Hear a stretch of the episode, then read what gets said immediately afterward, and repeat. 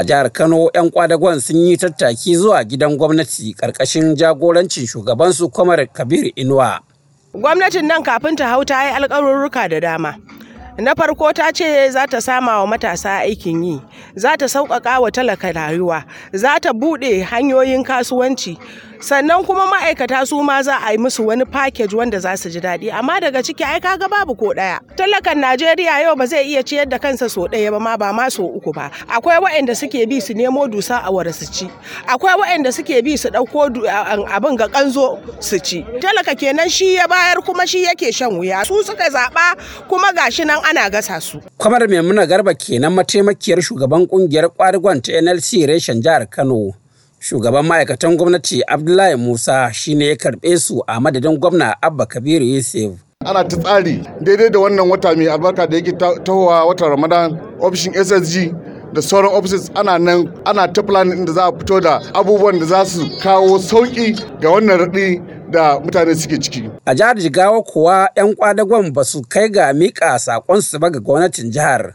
Al'amarin da wasu ke alakantawa da ƙarancin fitar mutane, amma shugaban kwadagon a jihar ta Jigawa, Kwamarar Sanusi Alasan Megatari na cewa. Kasancewa yau muka fara, sai muka ɗauki yau a matsayin ranar da za mu yi mun ka fito daga inda muka taru a gaban university ta FUD. Ga FUD sai muka taho kuma nan main office dinmu a nan muka yi lecture muka sanar da mutane wannan purpose na wannan dalili na yin wannan zanga-zanga kuma a gobe idan Allah ya kai mu ita ce ranar da za mu tafi domin mu meka korafe-korafen a gurin gwamnati. A jihar Zamfara ma ranar farko ta zanga-zangar 'yan kwadagon ta fuskanci rashin fitar jama'a sai dai sakataren LLC a jihar Kwamar da Ahmad Gusau ya yi tsokaci. Ita kalma ta kwadago ai dan gaba gaba dan kwadago ne.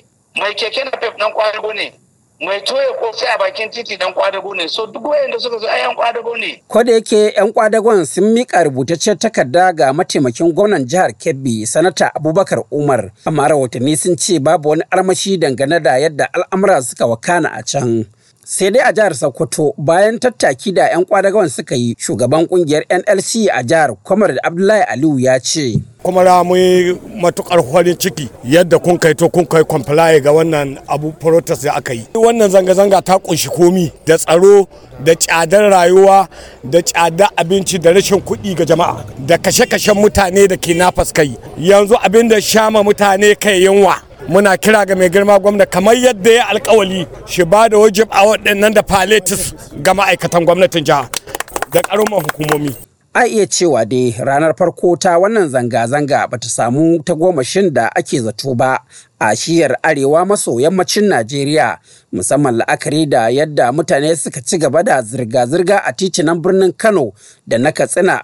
Da sokoto da sauran garuruwa na shiyar duk da cewa suna korafi game da tsadar rayuwa.